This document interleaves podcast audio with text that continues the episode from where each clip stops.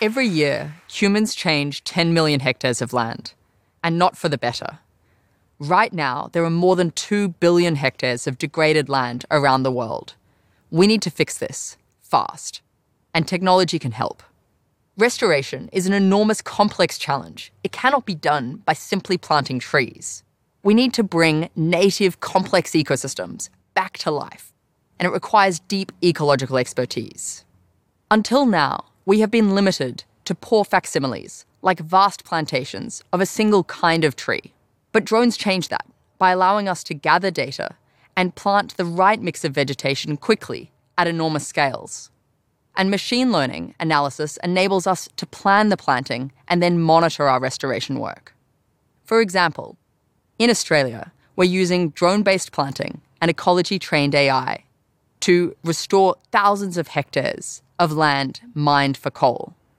Not just planting trees, but bringing back biodiverse, complex ecosystems. On a larger scale, native forests here in Australia have been decimated by catastrophic bushfires and land clearing for agriculture. This means diminished food sources and safe habitats for koalas. A new project would allow us to accelerate the restoration of thousands of hectares of koala forests over the next few years.